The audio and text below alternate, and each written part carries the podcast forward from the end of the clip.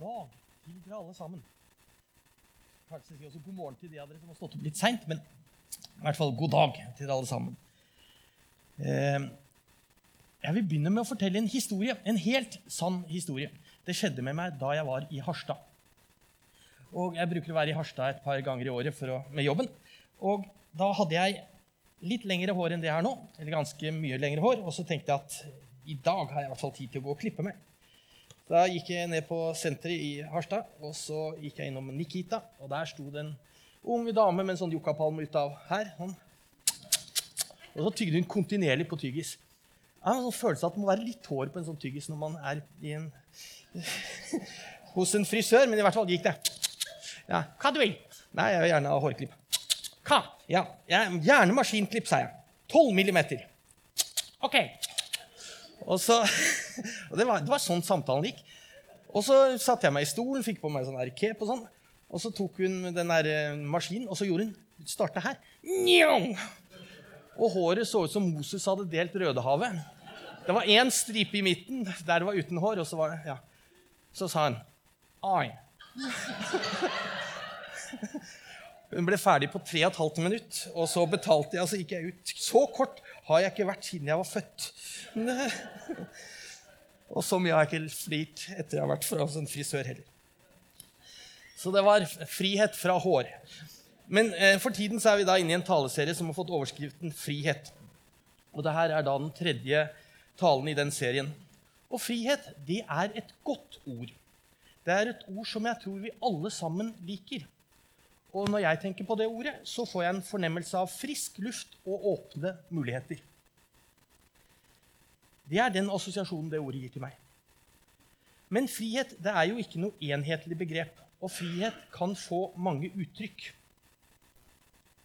Det her, dette bildet her det er fra en demonstrasjon i november. Det er eh, stjålet fra VG i går. Men det er en demonstrasjon i november, og gjett hva den demonstrasjonen var mot. Det var mot bruken av munnbind. Som det sto Vi har opplevd overgrep mot vår kroppslige og personlige autonomi gjennom maskepåbud. Hm. Så det er, frihet er forskjellig. Og eh, Mange beskriver frihet som en ubegrenset mulighet til å velge det livet jeg, lever, livet jeg vil leve uten noen begrensning fra ytre faktorer. Will Williamson beskriver at en person som påvirkes av faktorer rundt ham, mangler valgfrihet. En som har underkastet seg en hvilken som helst begrensning i å uttrykke seg, er knapt en person. Og dersom det skulle være definisjonen på frihet for alle verdens mennesker, så må vi konkludere med at det ikke er mange som er fri, eller sagt med hans ord det finnes knapt en person. Så for å rykke raskt videre til det vi nå snakker om, nemlig kristen frihet Og det handler da ikke om en frihet som er totalt uavhengig av alle andre mennesker. Det har ikke å gjøre med hvor mye over fartsgrensen vi kan kjøre bilen vår. Det handler ikke om at en kristen er unntatt å følge lover og regler i det landet en bor. Og Paulus skrev i brevet til galaterne Det står under der. Til, frisk, til frihet har Kristus frigjort oss. Stå derfor fast, og la dere ikke tvinge inn under slaveåket igjen. Vi skal komme tilbake til det som handler om slaveåk litt senere. Men det står at Kristus har frigjort oss til frihet. Da Jesus døde og sto opp igjen, så fikk vi vår sak oppgjort med Gud. Og etter det så kunne vi komme til Gud. Det er ikke lenger noe vi kan eller skal gjøre for å komme i et rett forhold til Gud. Det er gjort. Vi er fri. Jesus har byttet med meg. Fra jeg ikke kunne nærme meg Gud, har Jesus åpnet den veien. Han tok min skyld og satte meg fri. Det er ingen ytre krav vi skal oppfylle for å komme til Gud. Det er en gave. Martin Luther han er ikke den som oftest blir eh, sitert her på Frimisjon, men han var en klok mann, og han kan gjerne siteres. Han har dette å si om kristen frihet. Kristen frihet er å underkaste seg Kristus gjennom troen. Denne friheten gjør det mulig å ha et gledelig bytte av syndens synder, som er død og fordømmelse, og bytte det til Kristi nåde, som er nåde, liv og frelse. Og så legger han til denne friheten gjør det mulig for den troende å bli en pliktoppfyllende tjener.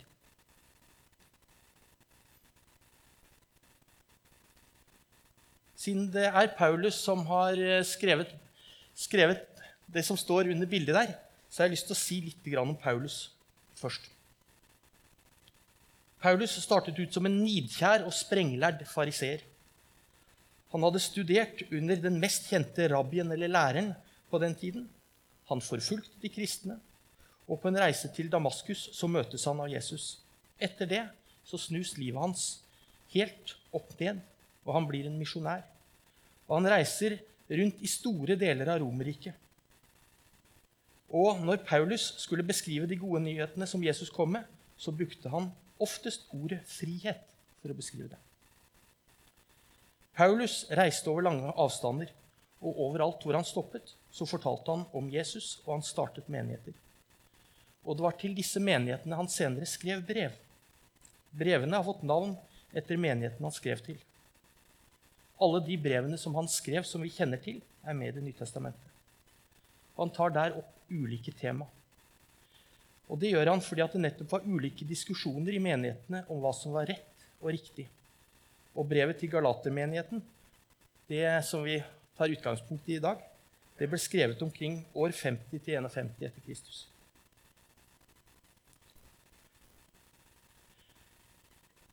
Altså, jeg, blir, jeg, si sånn, jeg, blir, litt imponert over den godeste Paulus. Han, han var altså Ja, det var ikke det. det ikke. Men han, han, reiste altså rundt hele Middelhavet. Eh, det er mulig han også kom til Spania. Der er man litt usikker. Men han har altså reist rundt hele verden. Den, den kjente verden, i hvert fall.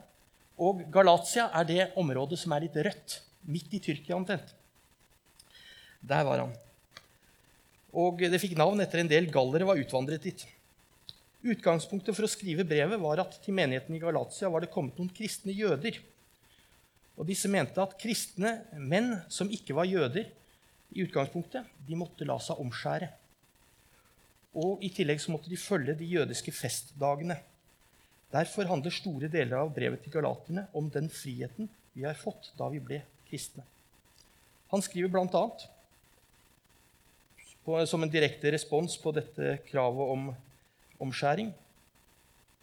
For i Kristus Jesus kommer det ikke an på om en er omskåret eller uomskåret. For Paulus er det ingen tvil. Det er uaktuelt å starte opp igjen med gamle skikker, uansett hvor knyttet de jødekristne var til det. I tillegg til at eh, Paulus var krystallklar på at man hadde en frihet fra de gamle skikkene, så var han også krystallklar på at man måtte verne om denne friheten. Vi må passe på så vi ikke lar oss fange i andre snarer. Vi må ikke la oss binde til noe som helst, slik at vi som nå er frie, kan bli slave til noe annet eller til noen andre enn Jesus.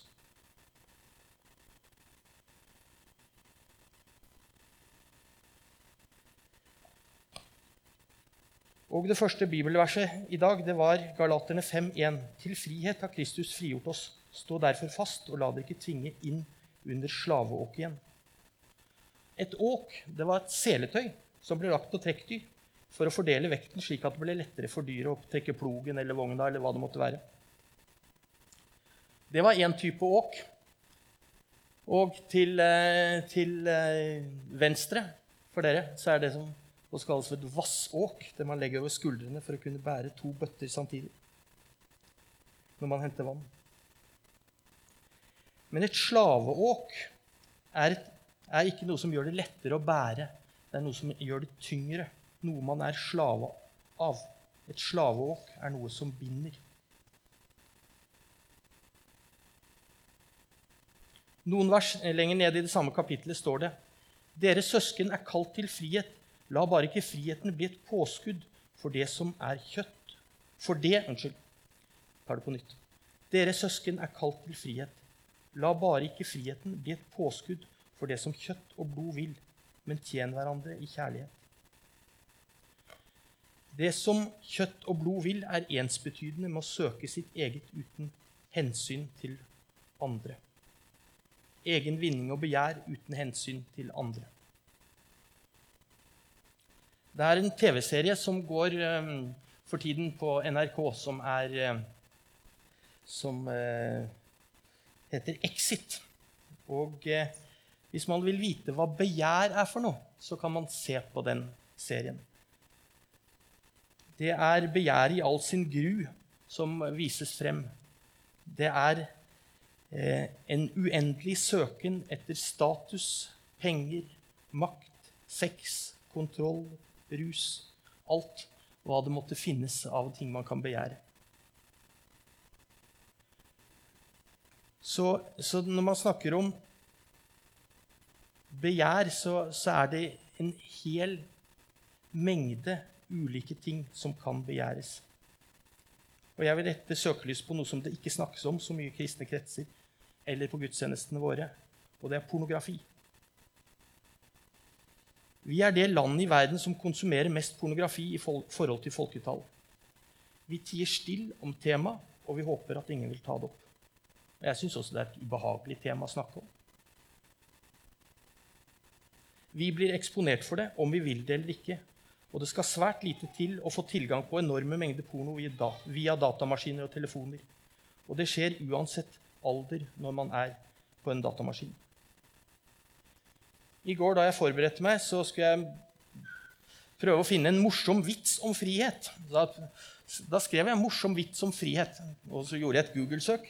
Og det som da dukket opp, var en serie bilder av nakne damer som tilbød alle typer frihet. Jeg har fem venner på Facebook og er nesten aldri på Facebook. Likevel er de, to av de venneforespørslene som eh, ligger og venter på meg, fra ukjente damer som selger sex. Betyr det noe som helst om vi bruker porno? Jesus var opptatt av sannhet. Og han sa at sannheten setter fri. Porno, derimot, er begjær kombinert med menneskehandel med mål om å tjene penger på andre.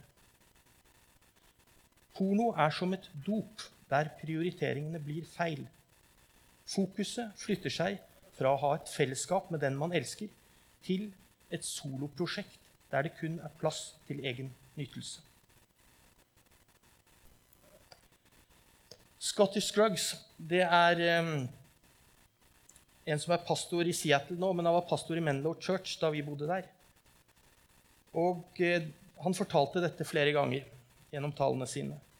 Han fortalte at da han var student og studerte teologi, så brukte han timevis foran datamaskinen sin for å se på pornografi. Og det slet han i filler. For på den ene siden så visste han at det var feil, at det var galt å gjøre det. På den annen side var det en enorm drift i han som han ikke klarte å begrense. Og på et tidspunkt så valgte han å søke hjelp. Det han gjorde, var at han betrodde seg til en han hadde tillit til. Han lot denne betrodde få tilgang til loggen på datamaskinen, nettopp for å bli holdt ansvarlig for hva han brukte datamaskinen sin til. I tillegg så fortalte han om selvhjelpsgrupper eller etter mal av anonyme alkoholikere og den han nevnte, het Sexaholic Anonymous. I Norge fins det også grupper som jobber i forhold til pornografi. Bl.a. en gruppe som heter Helt Fri. De jobber også opp mot menigheter.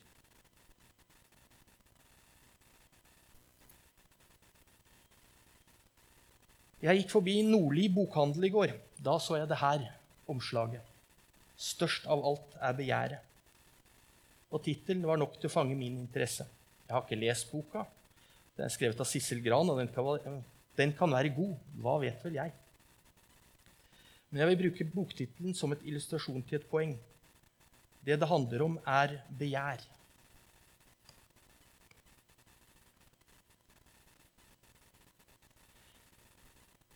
Hvis vi går til de ti bud, så eh, handler det tiende bud Eller det tiende bud skiller seg fra de andre budene på ett spesielt punkt.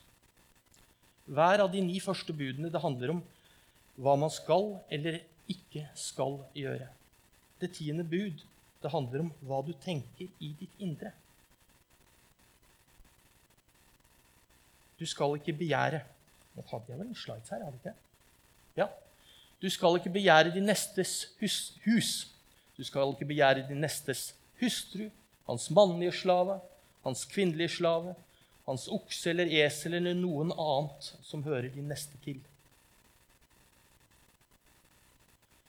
Hvis vi skulle dratt det opp til eh, år 2021, så hadde vi kanskje bytta ut noen av de ordene med noe annet, jf. exit. Når begjæret leves ut, så blir det skade på de rundt deg og deg selv. Du skal ikke begjære noe som helst, fordi begjær i seg selv er destruktivt. Og det er ikke begjæret som gjør deg til en bedre utgave av deg selv. Jeg hørte om en pastor som sa at dersom vi hadde fulgt det tiende bud, så ville ingen av de andre budene vært brutt heller.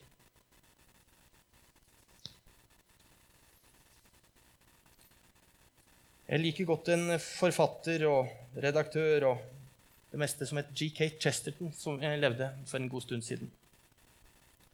Han eh, han var kjent for å ha treffende replikker, og han var en gang blitt bedt av en avis om å skrive et essay til denne avisen om hva som var feil med denne verden. Det var flere andre som også svarte på dette, og de skrev da et essay. og G.K. Chesterton ga det korteste bidraget. Han sa, 'Dear editor, I am'.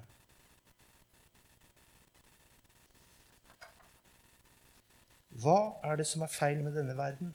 Det er meg.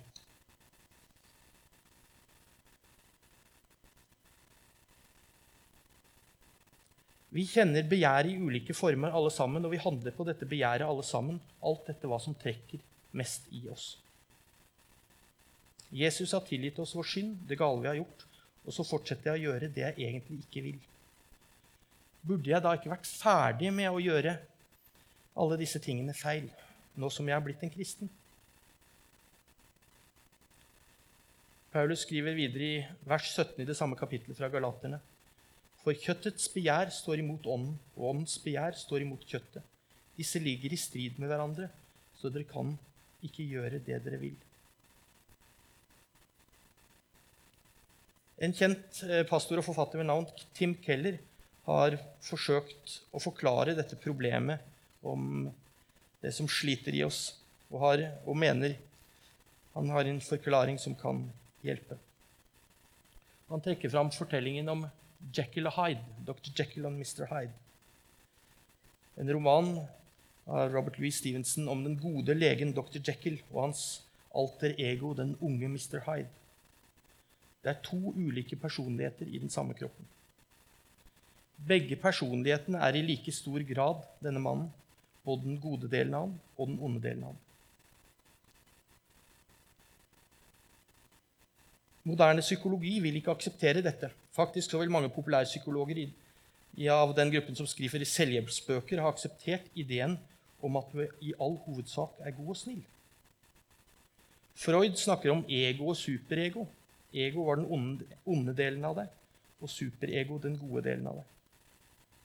Men Freud sa aldri om hvilken del som faktisk var den sanne deg. Og Tim Keller sier da begge deler er like mye deg. Så hvordan kan vi vinne dette slaget mellom disse to personlighetene? Det er håpløst. Begge delene av deg har like stort krav på deg. Som et eksempel. Nyttårsaften kommer, og du som ikke er kristen, sier i dag skal jeg ha noen nyttårsforsett. Jeg skal være snill, jeg skal være god, jeg skal være glad i min svigermor. Og det er ditt sanne jeg som sier det det er dr. Jekyll. Og Så drar du på besøk til din svigermor noen dager senere og oppdager at du har en enorm motvilje mot henne. Det velter opp fra det indre. Hvor kommer all den motviljen fra? Det er deg, det også. Begge deler er deg. Du opplever at du liker å være snill og god. Det er deg. Og du hater det når du ikke er snill og god, og det er deg, det også.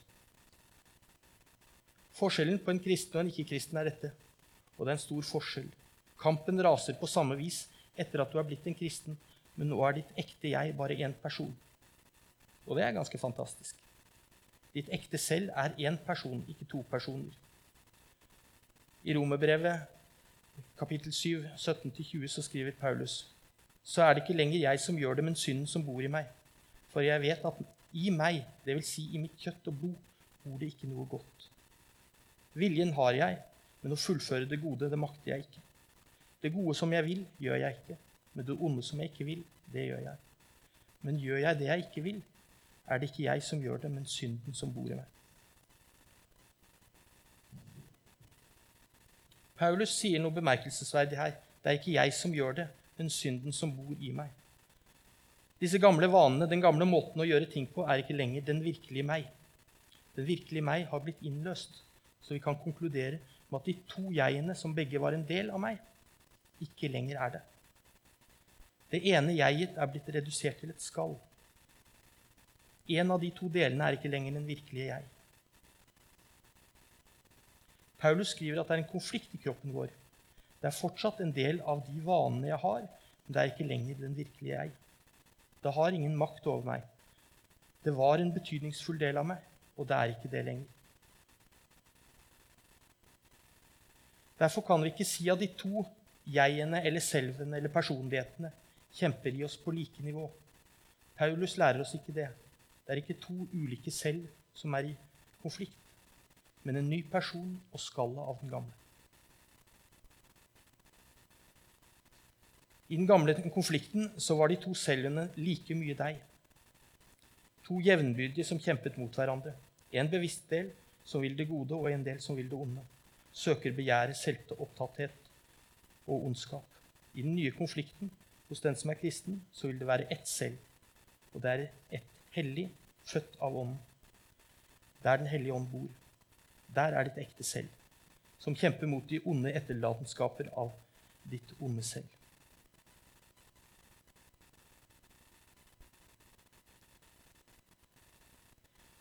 Jeg innser at det er litt av en sånn munnfull å drive og lese en sånn en, en, forklaring som prøver å si noe om eh, den kampen som er i oss alle sammen. Men jeg syns i hvert fall at det er, det er eh, At det gir en mening til å kunne skjønne hva det er hvorfor jeg er her jeg er. Vi går mot, vi går mot påske, og der skal vi feire nettopp det som Jesus har gjort. Det han gjorde en gang for alle.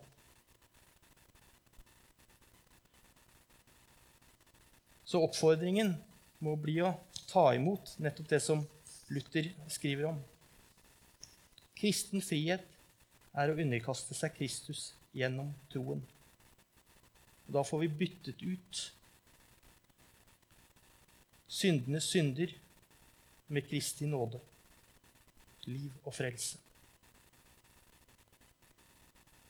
Jeg vil avslutte med et sitat fra Rick Warren. Gud som kan forandre larver inn over til sommerfugler. Han kan forandre sand om til perler. Og han kan forandre kull til diamanter bare ved å bruke trykk og tid. Han jobber med deg også.